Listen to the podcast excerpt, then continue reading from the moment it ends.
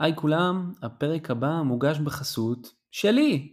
אם אתם uh, מחפשים יועץ product לסטארט-אפ שלכם, או שאתם מכירים מישהו שמחפש יועץ product בשלבים של seed או pre-seed, uh, אתם מוזמנים להעביר אותם אליי. יש לכם את הפרטים שלי כנראה בטוויטר, וואטסאפ, whatever, תפנו אליי והאזנה נעימה.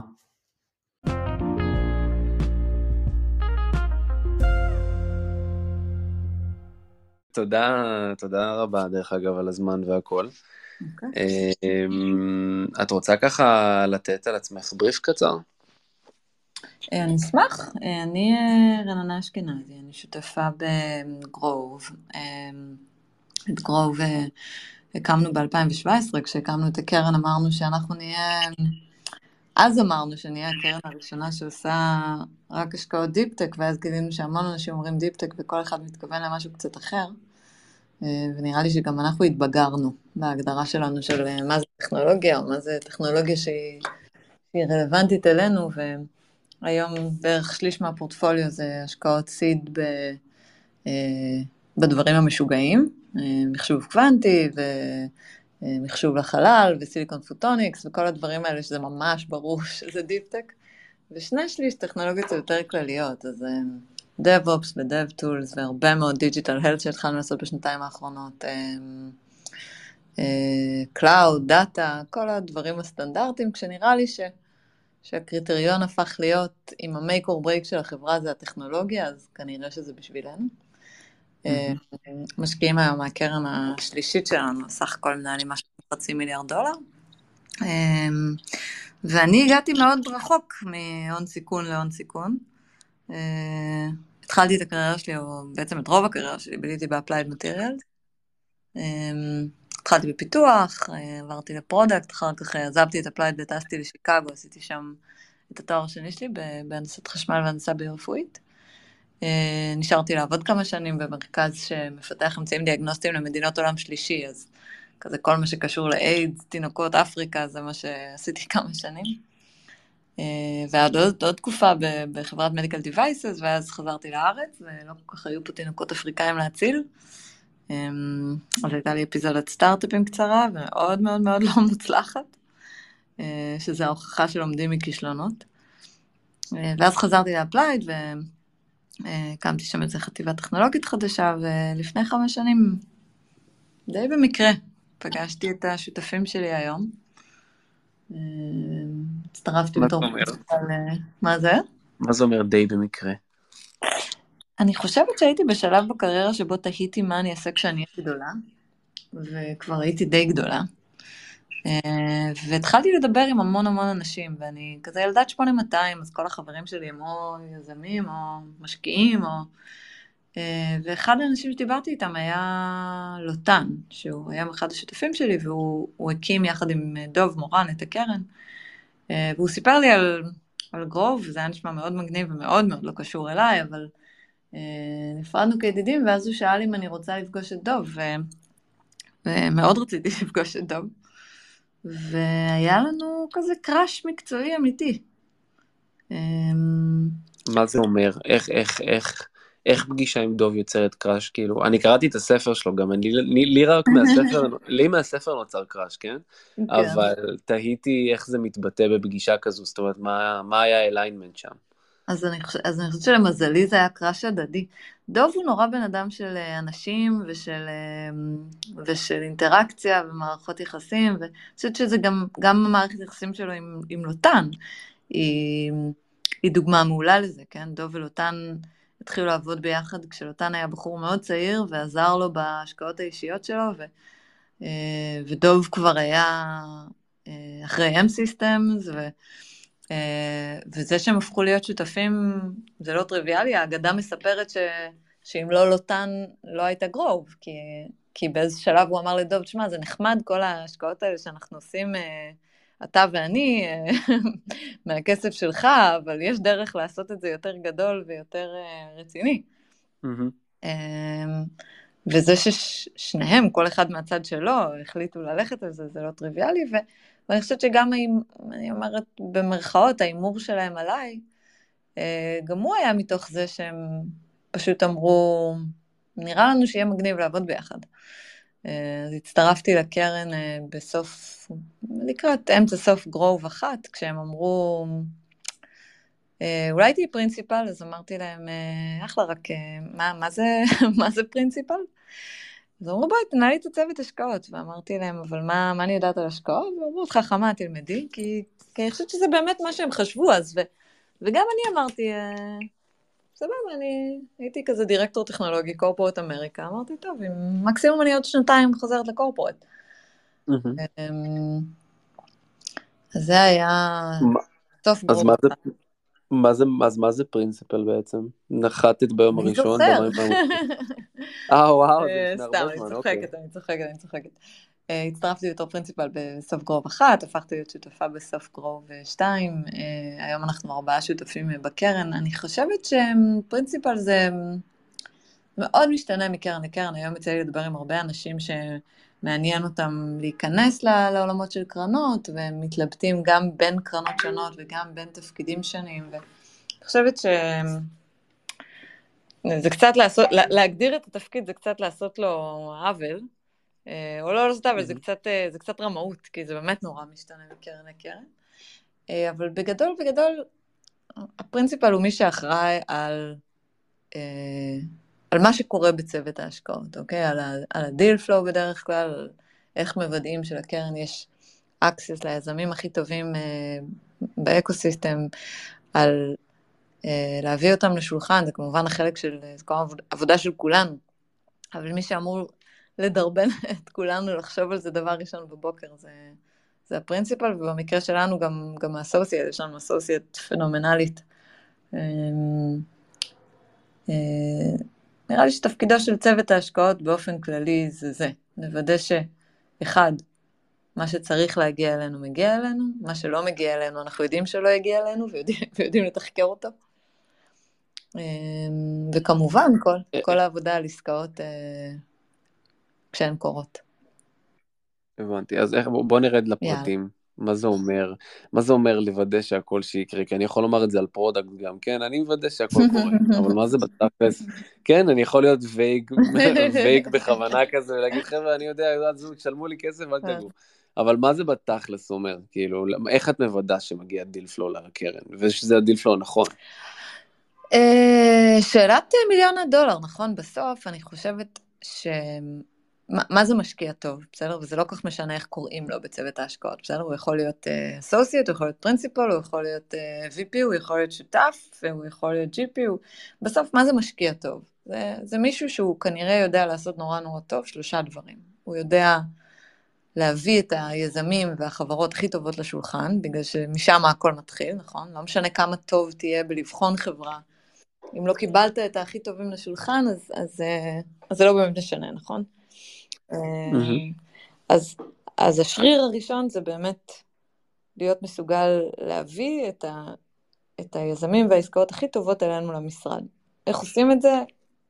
תכף נדבר על זה. קשה, כנראה השריר הכי קשה לפתח. השריר השני mm-hmm. הוא, אוקיי, הגיעו היזמים והיזמות והחברות האלה, הם כבר הגיעו אליך למשרד, עכשיו איך אתה בוחן אותם, נכון? אנחנו פוגשים מאות אלפים של, של סטארט-אפים בשנה, אנחנו משקיעים באמת בודדים, איך בודקים, איך בוחרים, אה, והשריר השלישי, זה כבר השקעת, בטח בשלבים המוקדמים שאנחנו משקיעים, איך אתה עוזר ליזמים, ליזמות האלה, לחברות האלה, איך אתה עוזר להם להיות הכי טובים וטובות שאפשר. Mm-hmm. עכשיו, בתוך צוות ההשקעות לכל אחד אולי יש כלומר, ככל שאתה מתקדם בתוך צוות ההשקעות, אז, אז האחריות שלך על כל אחד מהנושאים האלה הולכת וגדלה. אמ, אף אחד הוא לא הכי טוב בעולם בשלושתם. אני לא, אני לא מכירה משקיעים שהם אלופי עולם בשלושת הדברים האלה. תמיד יש משהו שאתה קצת יותר נוטה אליו. כי זה באמת שרירים אחרים, אם תחשוב על זה. Mm-hmm. אבל כשאני מדברת על אחריות כוללת, או על להיות אחראי להכל, אז, אז לזה אני מתכוונת, להיות מסוגל להסתכל על אה, שלושת האזורים האלה, אה, ו- ולעשות אותם טוב. אז מה זה אומר, בואו נרד שנייה לאחד, לייצר דיל פלו, מה זה טקטית אומר? אמ, אני, הסיבה שאני חצי צוחקת זה בגלל שתמיד כשמתחיל מישהו חדש אה, בצוות השקעות, אז זה מה שהוא שואל. ו- mm-hmm. ואם התשובה הייתה פשוטה, אז, הייתה, אז היה נורא קל לעשות את זה. Uh, בסוף, אני חושבת שהדרך היחידה להביא חברות טובות לקרן, זה לייצר, uh, זה לייצר קרן שהיא מספיק אטרקטיבית, uh, והדרך לעשות את זה, זה כמובן להיות טובים במה שאנחנו עושים, אבל זה לייצר brand חזק שיש משהו מאחוריו, אוקיי? אם סתם תעשה מלא קמפיינים של marketing, אבל בסוף בסוף אתה לא יודע לתת ערך ליזמים שלך, זה, זה לא מחזיק המון זמן, נכון? אני חושבת שהקרנות נבדלות, מ... נבדלות ביניהן בדיוק בזה, כאילו בעולם שבו, אני מדברת על ה ecosystem הישראלי, בעולם שבו אין באמת באמת קרנות uh, מתמחות, כלומר יש קרנות שעושות רק סייבר, יש מעט מאוד קרנות שעושות רק בריאות, אבל, אבל הן המיעוט. רוב הקרנות הן קרנות יחסית יחסית ג'נרליסטיות, ואז הדרך המרכזית לייצר בידול היא במוצר שאתה מוכר, נכון? והמוצר שאתה מוכר הוא הערך שאתה נותן ליזמים שלך. אז הדרך הכי הכי הכי טובה לייצר deal flow, באמת להיות טובים. זו תשובה מעצבנת, כי אחד, זה לוקח זמן, שתיים, איך מודדים את זה, אבל זה לא רק זה, התשובה המעצבנת ביותר זה שכולם אומרים שהם מביאים נכון, ערך ליזמים, נכון, לך תדע נכון. מי כן מי לא. אז אתה צודק באלף אחוז, ויש לי שני דברים להגיד על זה. אחד, כשאני מדברת עם אה, חברים שמתלבטים ממי לקחת כסף, בטח בשלבים אה, מתקדמים יותר, שבהם הם לא רלוונטיים אליי, ואני יכולה להגיד להם מה זאת אומרת, בואו ל Grove הקרן הכי טובה בארץ, אבל כשאני מדברת עם חברים, או גם כשאני סתם מדברת עם אה, יזמים או יזמות ש, ש Grove היא פחות רלוונטית אליהם ורוצים להתייעץ, אני אומרת להם שהדבר הראשון לעשות זה diligence על הקרן. אתה לא לוקח term sheet מאף משקיע לפני שדיברת עם שלושה, ארבעה, חמישה מנכ"לים או מנכ"ליות אה, שקיבלו כסף מהמשקיע הזה ויכולים להגיד לך מה הם חושבים, איך חוויית העבודה עם הקרן הזאת היא באמת. אמ, זה דבר אחד. דבר שני, לא רוצה להשוויץ, אבל יש רק קרן ישראלית אחת שנכנסה לדירוג העולמי של קרנות הון סיכון כפי שנמדדו על ידי פאונדרים. אה, וזה גרוב. אבל, אבל צחוק בצד, באמת, ליזמים יש דו דיליג'נס אמיתי לעשות לפני שהם לוקחים כסף. וזה לא מסובך. אה, אה, אוקיי, אז, אז מה שאת אומרת בעצם, ואני אומר את זה במילים yeah. שלי, ברגע שבאמת ה-value הוא אמיתי לאותם יזמים, הם יוצרים פלא אוזן בינם לבין עצמם, ואומרים חבר'ה, אנחנו לוקחים כסף מגרוב. עכשיו, לא משנה, שזה ה brand האמיתי, mm-hmm. בעוד שהדברים האחרים, כמו לעלות לכל מיני כנסים ולהיות בפאנלים וכל הדברים האלה, זה בונוס, אבל זה לא העיקר. תראה, אני אשקר אם אני אגיד לך שאני לא הולכת לפאנלים ועולה ועושה הרצאות, וברור שאני עושה, חלק מזה... הנה, את פה. הנה אני פה. אה, א', אני פה כי אני אוהבת לדבר על הדברים האלה, וכי אתה קסם של בחור, אבל, אבל גם, אבל גם, ברור. הרי, הרי אמ, יש משמעות ל- להיות out there, נכון? להיות בחוץ, אבל בסוף התוכן של הדברים שאתה אומר וההצלחות שאתה יכול או לא יכול לזקוף לזכותך משנים, נכון? הרי יש בזה איזשהו, צריך להיות substance. אני מאוד אוהבת לדבר ולהרצות, אבל על דברים שאני מרגישה שיש לי משהו אינטליגנטי להגיד עליהם. ואם לא, אז אני משתדלת להימנע מזה מאוד, כן? כש, כשמבקשים לראיין אותי ואני יודעת שהשאלות הולכות להיות מאוד מאוד מאוד גנריות, אני... או שכל המשקיעים הולכים לענות בדיוק אותו דבר, אני משתדלת לא לעשות את זה. אני לפעמים עושה את זה, כן? גם אני אוהבת uh, לפרסם בלינקדאין uh, excited to share my insights into 2020 whatever, אבל כן. אני באמת משתדלת לדבר כשיש לי משהו שאני חושבת ש... יישמע, שלמישהו יהיה איזשהו ערך לקבל מהדבר הזה. אני, אני כותבת המון, כל פעם כשאני מסתכלת על תחום חדש, שעושה השקעה בתחום אחר, אז אני, אני כותבת איזשהו בלוג על זה.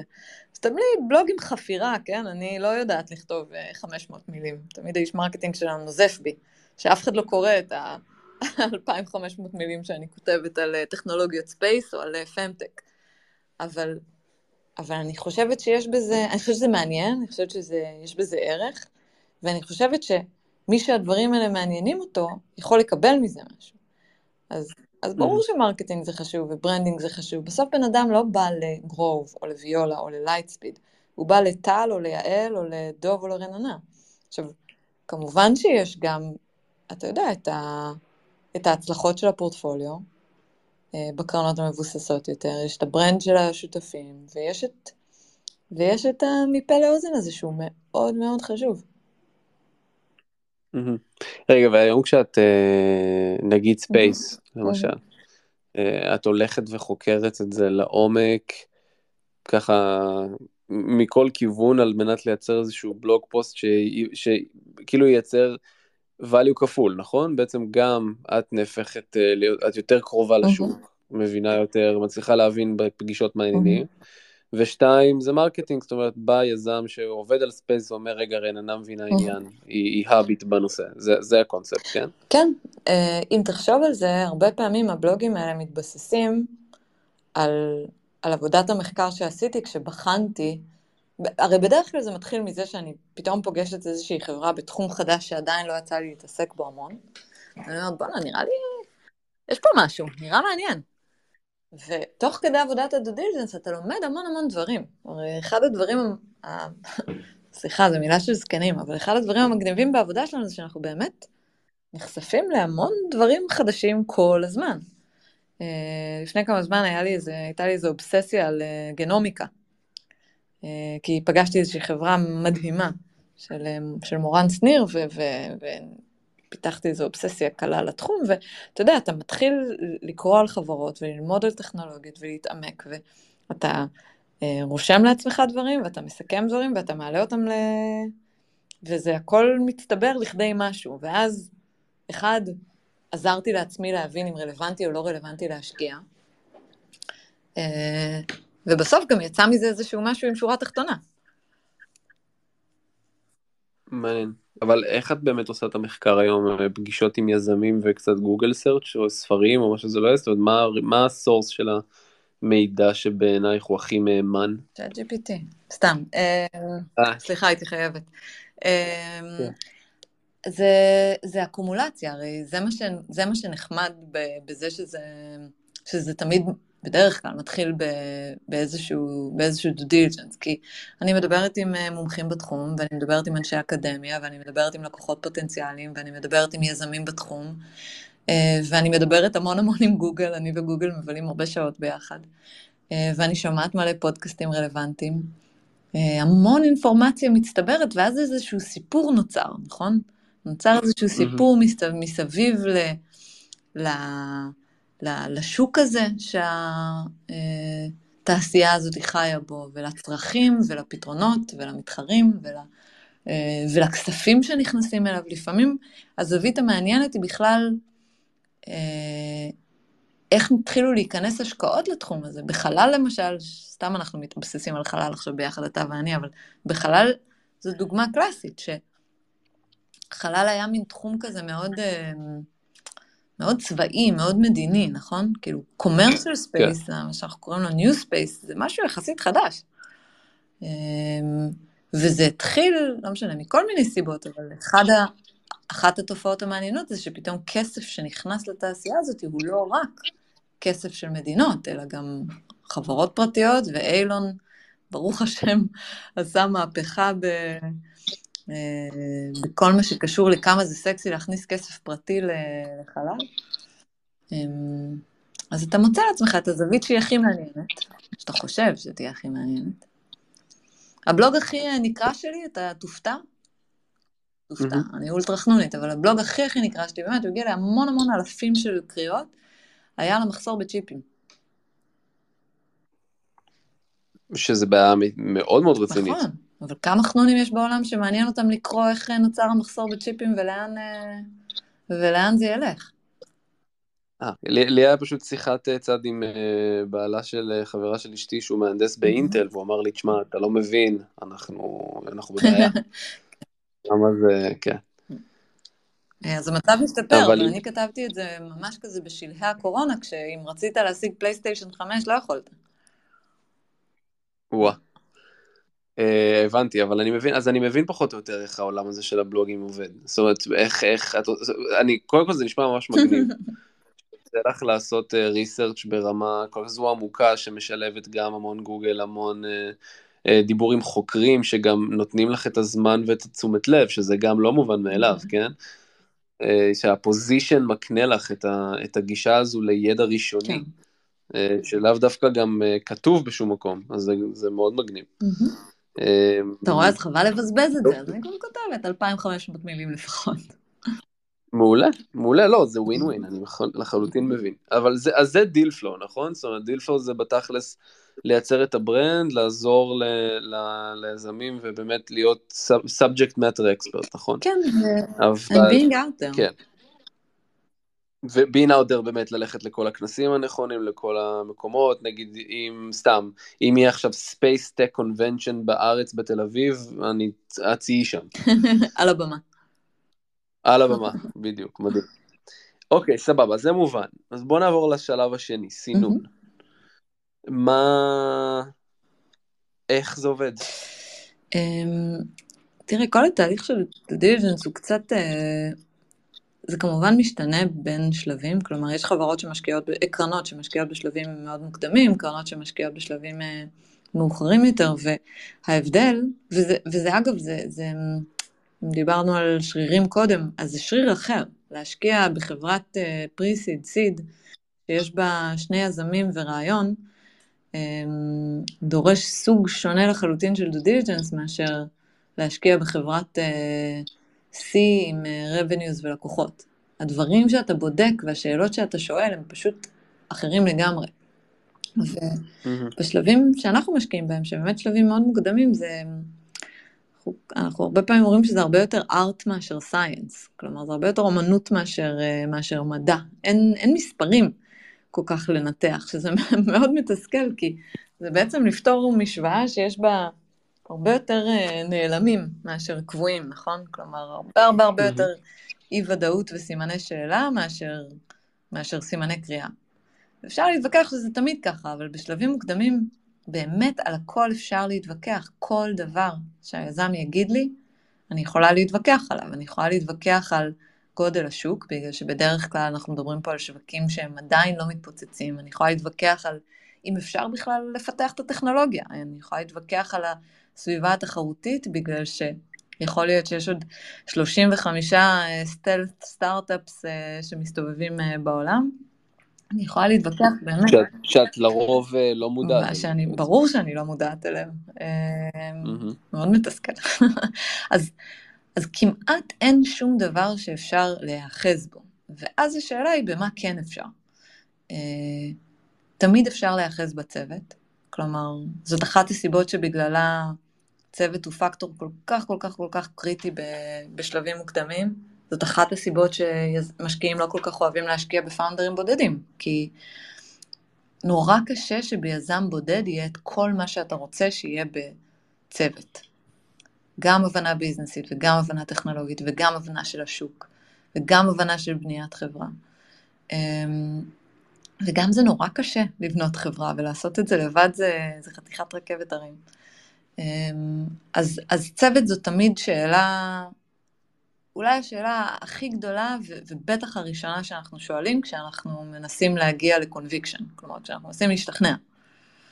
אמ, ושתי השאלות שמשלימות את המשולש, למרות שבאמת יש עוד כל כך הרבה סאב שאלות, אבל שתי השאלות uh, הגדולות מיד אחרי הצוות הן באמת כמה גדול זה יכול להיות, כלומר כמה גדול השוק, וכמה הטכנולוגיה או המוצר אה, עונים על צורך ומבודלים. בסוף אתה רוצה לדעת שזה עונה על בעיה אמיתית, שזה לא טריוויאלי לעשות, ושאם זה יצליח זה יכול להיות ענק. עכשיו תשאל איך עושים את זה, קשה. כן, נגיד ולידציה, בוא נניח שמגיע צוות שאומר לך, תקשיבי, עשיתי ולידציה, יש כאן בעיה, אמיתית, כואבת, ואני מניח שיש לי גם ולידציה קטנה על הפתרון. ומראה גם את איך שהוא עשה את זה בצורה המדעית ביותר, כן. והראה מספרים, ועמודי נחיתה, ופייק דורים, והכל והכל והכל. אמ, אבל יכול להיות שזה חרטא. תראה, בדרך כלל אני לא נותנת צ'ק של חמישה מיליון דולר רק על סמך זה שמישהו אמר לי שהוא עשה ולידציה, אבל כן עלית על הנקודה הכי חשובה, כי בסוף אני יכולה להתווכח על הכל, ותאמין לי, אני בפגישות מתווכחת. אבל על שקף אחד במצגת אני לא יכולה להתווכח, וזה על השקף ולידציה. על השקף הזה שבו מישהו מראה לי 20, 30, 40 שורות עם הלקוחות הפוטנציאליים או המומחים שהוא דיבר איתם, ואגב, אם זה חסוי, אל תשימו שמות, אבל כן תשימו את סוג הבן אדם או סוג החברה, והפידבק שהוא קיבל. אני לא רוצה שיגידו לי, דיברתי עם מלא אנשים ואמרו לי שאני, שבאמת צריך את הפתרון הזה. או המשפט שחוזר על עצמו כל כך הרבה פעמים בפגישות, אמ, אמרו לי שברגע שיהיה לי אני קונה. אה, זה לא משנה. לא, זה לא ולידציה, לא. לא, זה גם לא ולידציה. אני רוצה לראות, ואגב, אחר כך אני אעשה את הוולידציה הזאת בעצמי, כן? הרי אני... אסור לי להסתפק בזה שהוא שם את השקף או שהוא אמר לי. אני אעשה לא מעט שיחות בדיוק מהסוג הזה בעצמי, אבל השקף שאני רוצה להיות הוא זה שאומר, דיברתי עם האנשים הרלוונטיים, והאנשים הרלוונטיים זה אלה שהם מכירים את עולם התוכן, או חווים את הבעיה הזאת, או משתמשים היום בפתרונות אה, אחרים, או אלה שיש להם את הסמכות לשלם על פתרון כזה, וזה מה שהם אמרו לי על ההנחות שלי לגבי הבעיה, ההנחות שלי לגבי הפתרון, ההנחות שלי לגבי ה-willingness to pay, כן? כמה, כמה אני מוכן לשלם על דבר כזה. ההנחות שלי לגבי התחרות. אה, זה, ה, זה השקף היחיד ש, mm-hmm. שאי אפשר להתווכח איתו. אפשר, לעשות, אפשר לאתגר אותו, אפשר לשאול האם זה באמת האנשים הרלוונטיים, האם זה מדגם מספיק מייצג, אבל אין אסט יותר חזק מהטבלה הזאתי לסטארט-אפ שבא לגייס בשלבים מוקדמים. אין. נכון, ב-B2B, ב-B2C זה טיפה אחרת נראה, אבל כן. B2C דבר עם דני מוויולה. סבבה, אבל אמ, העניין הוא גם שמאוד חשוב לזכור ש-shit changes נגיד, לפני המיתון הנוכחי, אה, שפתאום אנשים יסתכלו ככה, אני בטוח שהמון המון ולידציות ב-2021 היו מאוד מאוד קורנות, mm-hmm. כשלסטארט-אפים היה כסף וכולי, והיום אה, כל הוולידציות שלהם לא שוות יותר מדי. זה מאוד מאוד מאוד מאוד נכון. אה, אגב, אחד הדברים... אחד הדברים המתסכלים, או לא יודעת, אחד הדברים שצריך לקחת בחשבון כשמשקיעים בסטארט-אפים בשלבים מוקדמים, שאתה יודע שייקח זמן עד שהם יגיעו באמת לשוק ולמגע אמיתי עם הלקוחות, כי בסוף אתה יודע, אחלה רעיון וזה, אבל צריך גם לפתח, וצריך... אחד הדברים זה שאתה יודע שאתה לא יודע מה אתה לא יודע, ואתה יודע שהמון דברים עוד הולכים להשתנות. כי כמו שאמרתי קודם, יכול להיות שפתאום, ש, שמתחת לפני השטח יש עוד 15 סטארט-אפים שבאו עם גישה נורא דומה לפתרון. בסוף אם חברה באה לפתור בעיה אמיתית, אז הם לא היחידים שרוצים לפתור אותה. אמ, המון דברים הולכים להשתנות. אתה לא יודע מה הם, אבל אתה יודע שהם השתנו. אינפלציה, ריבית, אה, פנדמיה גלובלית, מחסור בצ'יפים שישבש את כל השרשרת אספקה שלך. אמ, המון דברים יכולים לקרות, והפר... ו... ומה שהדברים האלה יכולים לעשות זה שינוי משמעותי בתעדוף של הלקוחות שלך, נכון? פתאום הם הבעיה שאתה פותר היא לא הבעיה הכי גדולה שלהם, כי פתאום נהיו להם בעיות הרבה יותר גדולות לפתור. אה, או כן. פתאום התקציב שלהם קטן בחצי, כי הביצועים של החברה אה, קטנו בחצי, כי השוק אה, קרס. אז אתה צודק ש-shit happens, ואתה צודק שדברים משתנים, ובגלל זה זה תמיד עניין של, אתה יודע, של, של, של, של, של איזון סיכונים. איזה סיכונים אתה מוכן לקחת, ואיזה סיכונים פחות. אני הרבה פעמים מוכנה לקחת את הסיכון הטכנולוגי. כלומר, אם אני מבינה, הרי אנחנו אף פעם לא משקיעים, או כמעט אף פעם לא משקיעים בחברות שבהן יש כבר מוצר עובד וטכנולוגיה מוכחת, ו... אז אתה כאילו תמיד לוקח את הסיכון שזה לא יעבוד, נכון? זה... לא יצליחו לפתח את זה, או לא יצליחו לפתח את זה בסקייל, או לא יצליחו להוציא את זה. מתנאי המעבדה. ולגרום לזה לעבוד בעולם האמיתי. אבל בסוף, אם לא היה ריסק, אז אה, לא היו קוראים לזה הון סיכון, נכון? נכון. אבל נשמע כאילו משהו שלא מסתדר לי קצת בראש. זה את אלוקציית הריסורסים שלך אישית, או שבאופן כללי של הצוות, כי מגיע יזמים, המון יזמים, מאות עד אלפי יזמים אליכם. אה, עוברים איזשהו איקס שלבים, ואז את אומרת, טוב, אני בכל אחד, איך אתם יודעים באיזה שלב עושים באמת נכנסים יותר לעומק, עושים את הדו דיליגנס, למי, באיזה, באיזה חברה אומרים, טוב, עליהם אני הולך עכשיו לדבר עם חמישה לקוחות פוטנציאליים ולעשות את ה due diligence שלי וכולי, זה נשמע כמו a lot of work. קודם כל, it's a lot of work, כן. אנחנו מסיימים בתשע וחצי, ואז יש לי פגישה עד 11. אבל, אה, אז אתה צודק, מצד שני, אם אתה חושב על ה funnel, אה, אז ב top of the funnel באמת יש מאות אלפי חברות בשנה. אבל הסינון המסיבי, מסיבי, מסיבי הוא מהפגישה הראשונה לשנייה. ברוב המקרים, עכשיו אל תתפוס אותי במילה, ובכל קרן האחוזים קצת משתנים, אבל, אבל אני חושבת שלא משנה עם איזה משקיע תדבר, כולם ידברו איתך בפחות או יותר אותם מספרים. אה, אם נכנסים אלף למשרד שלך, אה, נגיד, לא יודעת, בין 200 ל-300 יעברו לפגישה השנייה? זה... ועל מה יפלו? על מה יפלו ה-700-800? על כל מה שאמרתי קודם, שאנחנו מנסים להבין בפגישה הראשונה. השוק לא מספיק גדול, הוולידציה לא מספיק אה, רצינית. אה, הצוות לא חזק, או לא, או לא מתאים, או אין founder market נכון, fit, נגיד. נכון. אה, ואת זה קל לראות בפגישה הראשונה. כלומר, את הדברים שהם נורא נורא ברורים, אה, יחסית קל לפסול עליהם. עכשיו, לפעמים יש לך סימני שאלה, אבל משהו בבטן אומר לך ששווה, ששווה קצת לחפור. כלומר, זה, זה לא ברור, it's not a clear no, זה קורה. אה, ובגלל זה, בין ה-200-300 שמגיעים לפגישה השנייה, גם מתוכם עד שנתחיל באמת באמת לעשות עבודה אמיתית של לחקור ולשאול ודו דיליג'נס אמיתי, זה יקרה לבערך 40 מה... מהאלף האלה שהגיעו. Mm-hmm. מתוך ה-40 נשקיע בשמונה. זה מסתדר? כן, עכשיו הרבה יותר. שמונה מתוך האלף זה משמעותי. כן. זה ממש משמעותי.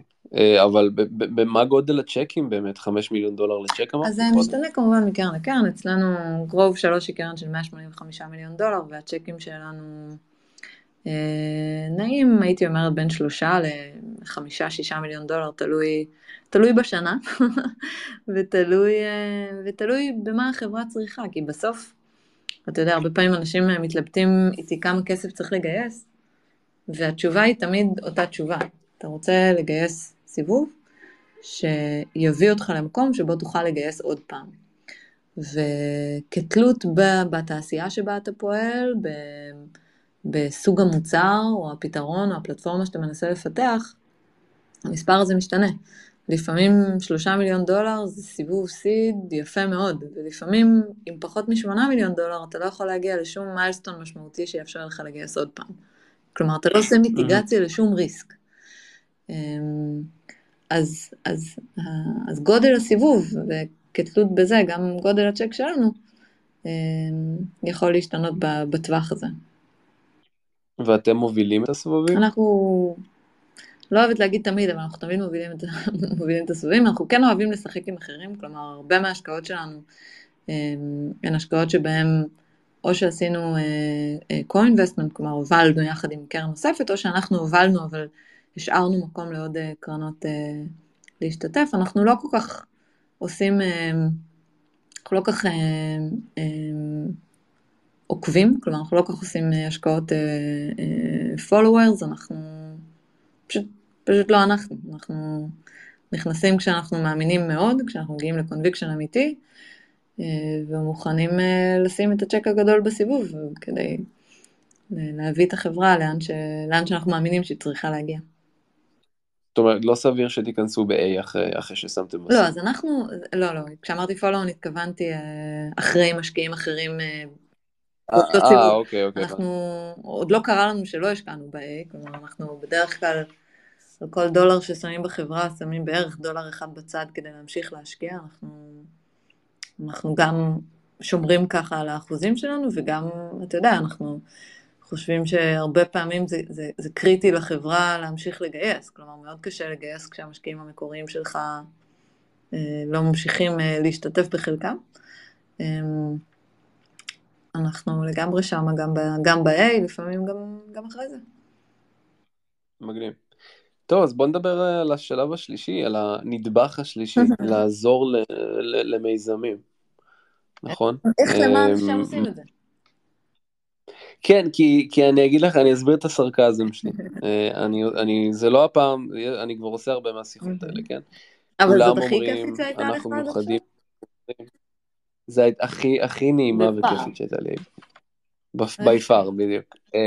זה השיקגו אפקט שלך פשוט בגלל זה. אז העניין הוא שהעזרה מרגישה קצת, כאילו ראית, אני רואה את זה, אני גם מייעץ לסטארט-אפים בכובע של product, אז אני רואה את זה גם קצת מהצד. יש עזרה מסוימת, אבל היא אף פעם לא משמעותית, אז הייתי שמח yeah. לראות איך את חושבת על זה. לא, קודם כל הסרקזם הוא ברור לי לגמרי, כן? כי הרי זה כמו שתגיד לי, אני משתמש ב-AI, כן? כלומר, כל הקרנות אומרות, וכל הסטארט-אפים אומרים, אה, כל הקרנות אומרות שזה הבידול שלהן, אה, וכל הסטארט-אפים משתמשים ב-AI. אבל צריך להבין שהסיבה שכל הקרנות אומרות את זה, זה כי זה באמת ה-make or break שלהם. כלומר, אם אני לא אהיה כסף אינטליגנטי, אז אני לא יכולה לבדל את עצמי בסביבה המאוד תחרותית שבה אני עובדת. כי אני עובדת בסביבה מאוד תחרותית, יש בארץ הרבה משקיעים, ויותר גרוע מזה, יש הרבה משקיעים טובים בארץ, כן?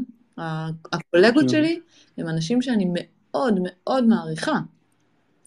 אז כשקרנות אומרות אנחנו עובדות קשה בלייצר ערך, זה בגלל שהן חייבות. זה כי אנחנו המוצר, הסטארט-אפים והיזמים והיזמות הם הלקוחות שלנו. אנחנו חייבים לתת להם ערך. עכשיו השאלה היא, מה זה ערך? ואני יכולה להגיד לך שזה נורא משתנה אה, מחברה לחברה. כי יש יזמים, פעם קראתי איזשהו סקר שעשו, אני חושבת שלירון אה, ממרון עשתה אותו. היא שאלה יזמים מה זה ערך בשבילכם, וחלק מאוד גדול מהיזמים אמרו, תעזבו אותנו בשקט. חלק גדול מהיזמים אמרו, משקיע שלא מפריע לי, זה הערך הכי גדול שהוא יכול לתת לי. ויש פאונדרים שזה באמת מה שהם רוצים. אה, הם קצת פחות מתאימים לנו, אבל באמת יש כאלה. ואגב, גם צריך לזהות את הזמן שבו, שבו זה מה שצריכים לך. חלק מהמנכ"לים שלי או מהמנכ"ליות שלי, זה מה שהן צריכות לפעמים. אה, אז ערך הוא נורא משתנה לפי מי שמוביל את החברה ולפי השלב של החברה. כלומר, השלב שבו היא נמצאת.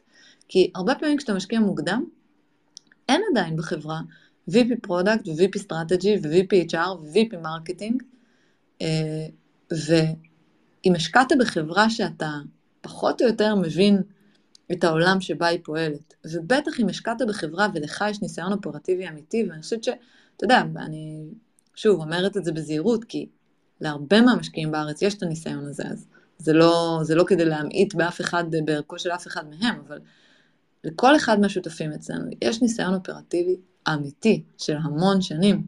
ליאור בנה חברה מאפס ששווה היום, לא יודעת, בין 15 ל-17 מיליארד דולר, תלוי כאילו באיזה יום אתה מסתכל על הנסדק. ודוב בנה חברה שמכרה במיליארד דולר כשהוא מכר אותה. אה, אני לצערי כשלתי חרוצות עם החברה שלי, אבל הרבה מאוד שנים עבדתי, הובלתי product ואסטרטגיה וטכנולוגיה, וכשאנחנו יושבים עם המנכ"לים שלנו בימים הראשונים של החברה ועושים איתם דיוני product ואסטרטגיה ו marketing ו-HR, אז אני חושבת שרובם מרגישים שזה נותן להם ערך אמיתי.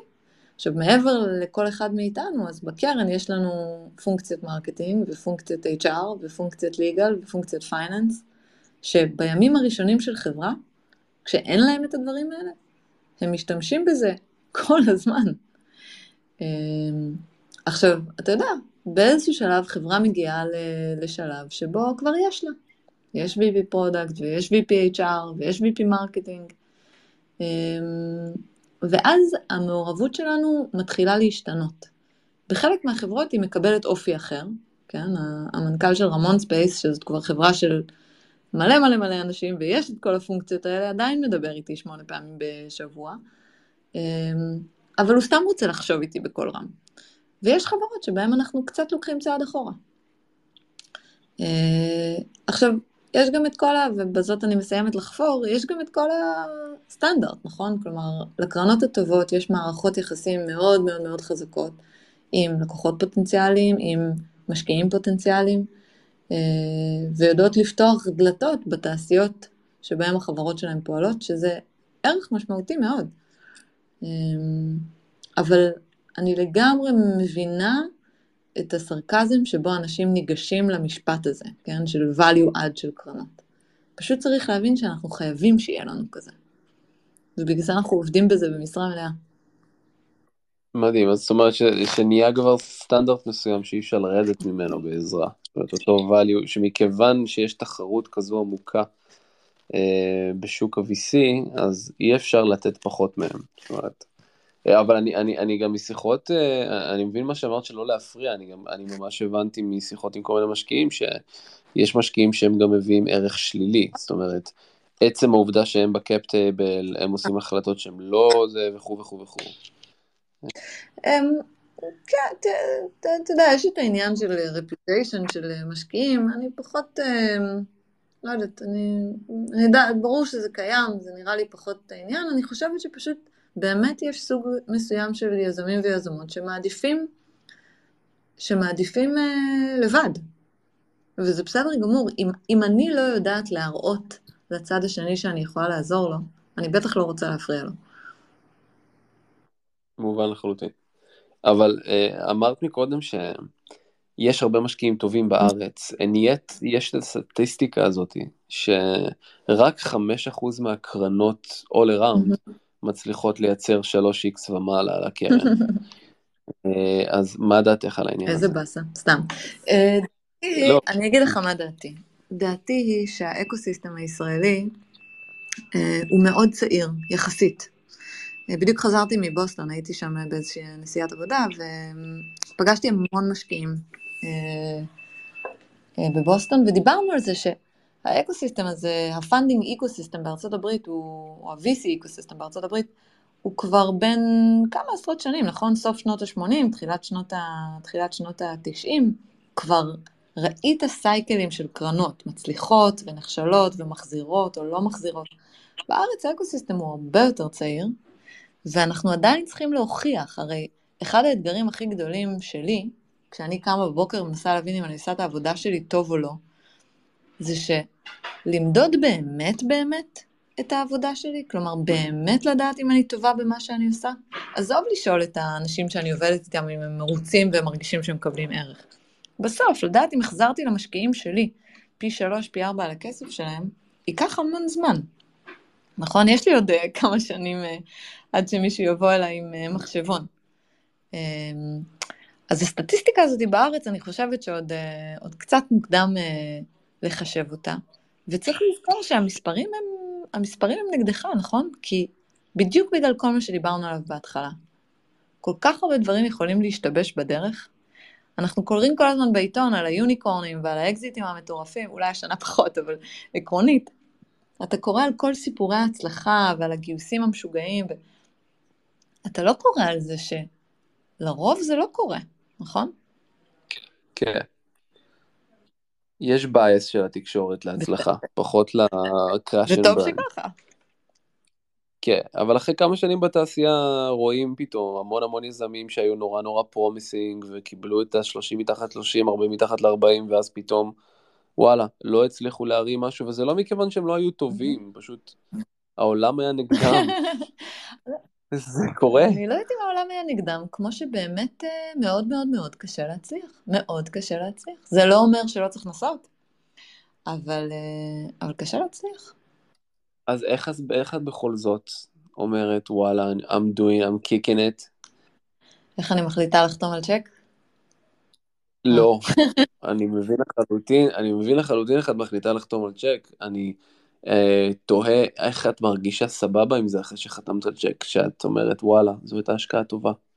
אה, אמ, אני חושבת שבסוף, קודם כל אתה מנסה לחגוג את הניצחונות הקטנים, נכון? כלומר, בסוף בעיניי יש הישגים, אה, חברה לא צריכה להגיע להנפקה של שלושה מיליארד דולר כדי, ש... כדי שנוכל לחגוג הישג והצלחה, נכון? Mm-hmm. אז, אז אם אתה שואל מתי אני מרגישה טוב, קודם כל אני לעיתים מאוד נדירות מרגישה טוב עם עצמי, אני בדרך כלל בסטרס ובלחץ אה, מכל הדברים ש, אה, שעוד צריך לעשות ויכולים להשתבש, אבל, אבל, אבל אתה שמח על ההישגים הקטנים, ובסוף החיים של, אה, של, של היזמים והיזמות שלנו מורכבים מכל כך הרבה אתגרים, והם מתגברים על כל כך הרבה מהם, באמת, יש כל כך הרבה הצלחות קטנות בדרך, שכל פעם... כגון? אז, אז אני אגיד, כל פעם כשאיזושהי תזה שהנחתי מתבררת כנכונה, אתה טופח לעצמך קצת על הגב. השקעתי לפני אה, שנה ומשהו בשני יזמים פנומנליים, באמת, אני כל הזמן אומרת להם שהם הרסו אותי לכל היזמים האחרים, בגלל שכמעט אף אחד לא יכול להשתוות אליהם. אה, דייב מור ואור תורג'מן, ה founder ים של אה, OneLayer. ומה ש-OneLayer עושים זה, הם פיתחו פתרון security לרשתות 5G סלולריות פרטיות. ואחת התזות בהשקעה הייתה ש-5G קורה. זה לא היה כל כך טריוויאלי להניח, כן? זה עוד היה בשלב שבו לא היו המון, לא היה deployment של המון רשתות פרטיות. והיה ברור ש-5G is a thing, אבל כבר המון שנים אומרים ש-5G is a thing, והאם באמת צריך פתרון security בארכיטקטורה שונה מזה של רשתות אחרות, ו... ווואלר עדיין לא מוכרת בעשרות מיליוני דולרים, אבל אנחנו מקבלים המון אישושים לזה שהשוק קורה, שזו הייתה שאלה גדולה ביום ההשקעה. השאלה האם השוק יתעורר בקצב שאנחנו צריכים ורוצים שהוא יתעורר בו, האם זה יקרה? היה אחד הריסקים הגדולים ש- ש- שעלו בוועדת השקעה, ושנה לתוך ההשקעה הזאתי, הריסק הזה לא נעלם, אבל אני ישנה איתו הרבה הרבה הרבה הרבה יותר בשקט. אז קיבלתי אז החלטה נכונה או לא? החלטה מעולה, גם שוק גדול שרק רק גדל אומר שגם אם חלילה הם יהיו בינוניים, הם עדיין יצליחו, כי השוק ענק, והם משחקים בשוק הנכון. שזה מאוד מנחם. אני, אני, אני מקווה שאתה צודק. אבל, אבל זה לשאלה של מה זה ניצחונות בדרך. לקוח גדול שהחתמת, מיילסטון טכנולוגי מאוד אה, רציני שהתגברת עליו. מגניב, והם, והלקוחות שהשקעתם, והסליחה, היזמים שהשקעתם בהם, הם לחלוטין אה, מה שנקרא סופר אונסט לגבי כל מה שקורה איתם ועובר, זאת אומרת הם לא, הם לא מנסים לייפות את הסיטואציה מולכם המשקיעים הקיימים? אני מקווה. אמ, תראה, בדרך כלל, אם אתה באמת עובד כל כך קרוב, ושוב, בשלבים הראשונים, וגם, שוב, זה, זה האופי של, שלנו ושל היזמים שאנחנו משקיעים בהם, אבל כשאתה עובד כוח צמוד, אז נורא קשה להסתיר, נכון? כלומר, זה הכל אה, out in the open. ליאור, אחד השותפים שלי, תמיד אומר שתמיד אה, אחרי שאתה משקיע, בכל חברה שאתה משקיע בה תמיד יש את ה-oh shit moment הראשון. הרגע הראשון שאתה תופס את הראש, אתה אומר, oh shit. אה, בדרך כלל זה קורה בבורד הראשון, שפתאום הכל הכל על השולחן. כבר אף אחד לא מנסה לייפות שום דבר, כולם באותו צד. אתה רוצה לשים את הכל על השולחן כדי שכולם יוכלו לעזור בהכל. אבל מאותו רגע, מאותו אושט מומנט הראשון, אם, אם הכל הוא כמו שצריך, אז כן, הכל על השולחן. אתם פשוט נהפכים לאותו צוות בתכלס. זה same team. יפ. הבנתי. מגניב, אז uh, אחת משאלותיי האחרונות, דרך אגב חברים, אם אתם רוצים לעלות, מי שכאן בקהל, יש לנו שניים, אתם רוצים לעלות ולשאול שאלה, אתם יכולים גם לכתוב בקומנט למטה או לבקש לעלות כספיקרים ואני אוסיף אתכם. Uh, אמרת שציינת אתגר אחד, מה, איזה עוד אתגרים הכי, מה שנקרא, מדירים שינה מעינייך ביום יום? Uh, הכל מדיר שינה מעיניי ביום יום. Uh, מדיר שינה בעיניי אה, מה פספסתי, מה קורה בחוץ ואני לא רואה. מדיר שינה מעיניי אם אני עושה את העבודה הכי טובה שאני יכולה ליזמים אה, שלי. מדיר שינה בעיניי האם אני... אה, אה, אה, האם פספסתי על משהו שלא הייתי צריכה לפספס עליו, האם אה, החברה שהשקעתי בה עשיתי צדק למשקיעים שלי. אה, אני לא ישנה הרבה. וואלה. הבנתי. אמ, ויש גם את האלמנט שלא דיברת עליו, דיברת על deal flow, סינון ולתת value, אבל יש באמת, כמו שאת אומרת, יש גם את כל המערכת יחסים עם ה-LPs שלכם. אז אני תוהה גם, דרך אגב, את אמרת שכמה שותפים אתם? שלושה, אה. ארבעה? ב... ארבעה. אה, כל שותף, כאילו, בעצם יש לו אחריות שונה? זאת אומרת, יש שותף שהוא רק אומר, טוב, אני על LPs, ושותף אחר שאומר, אני על deal flow ודברים כאלה, או שכולם עושים הכל מהכל? לצערי, אנחנו כולנו עושים הכל מהכל, וטוב שככה. הבנתי, זאת אומרת, כן, עכשיו צריך לגייס כסף אה, לקרן של Grove אה, חמש, נכון? ארבע. נגיד לגרוב ארבע, אז צריך לגייס, זה אומר שאתם כולכם משנסים התנאים ביחד. כולנו על כדי ללכת. הבנתי, וזה, וזה מאותם LPs או שנוספים חדשים או... אה, אז זה גם משתנה, בדרך כלל ה-LPs הקיימים נשארים, אה, לפעמים, לפעמים אנחנו, אם, אם יש מקום ואלוקציה, גדלנו בין גרוב אחת לשתיים לשלוש, ואז אה, אה, נוספו, נוספו אלפיס חדשים. לגייס כסף זה חתיכת אתגר. הבנתי. ומה מה, מה השוס שם? זאת אומרת, מה הדבר החשוב מאוד שם? אני חושבת שבסוף אתה צריך לשכנע משקיעים שייתנו לך הרבה מאוד כסף, כי אתה תדע לפזר אותו בחוכמה. אמ, ו... והאתגר הזה משתנה אמ, כתלות בכמה ניסיון יש לך, נכון? כלומר, לגייס קרן ראשונה זה אירוע מסוג אחד, לגייס קרן שלישית או רביעית, אתה כבר יכול להשוויץ בפורטפוליו. אמ, אבל בסוף בסוף, גם המשקיעים שלנו משקיעים באנשים. אה, וכמו שאני צריכה להשתכנע שיזם ייקח את הכסף שלי ויעשה איתו טוב, זה בדיוק מה שאני צריכה לשכנע את ה-LPs שלי אה, שאני אעשה. הבנתי. לא, זה נראה לי שאתם פוזיישן בשוק בצורה מאוד מאוד שונה. זה לא... אה, כן, אני, זה היה קצת שאלה של וואלה, רגע, אם אני חושב על זה באמת, הם, הם, עשו, הם עשו כבר את שלהם כדי להגיד וואלה, אני באמת מגייס כסף, סבבה. קול, אז רננה, היה לי ממש שיחה מקסימה, תודה רבה על הזמן. אה, כן, אז, אז, ואני מאחל לכם כמובן המון המון בהצלחה, לא שאתם צריכים אותה, אה, וזהו. תמיד צריכים. תודה, אור, היה כיף גדול. תודה למי שהקשיב גם, ושיהיה לכולם לילה טוב. ביי ביי. ביי ביי.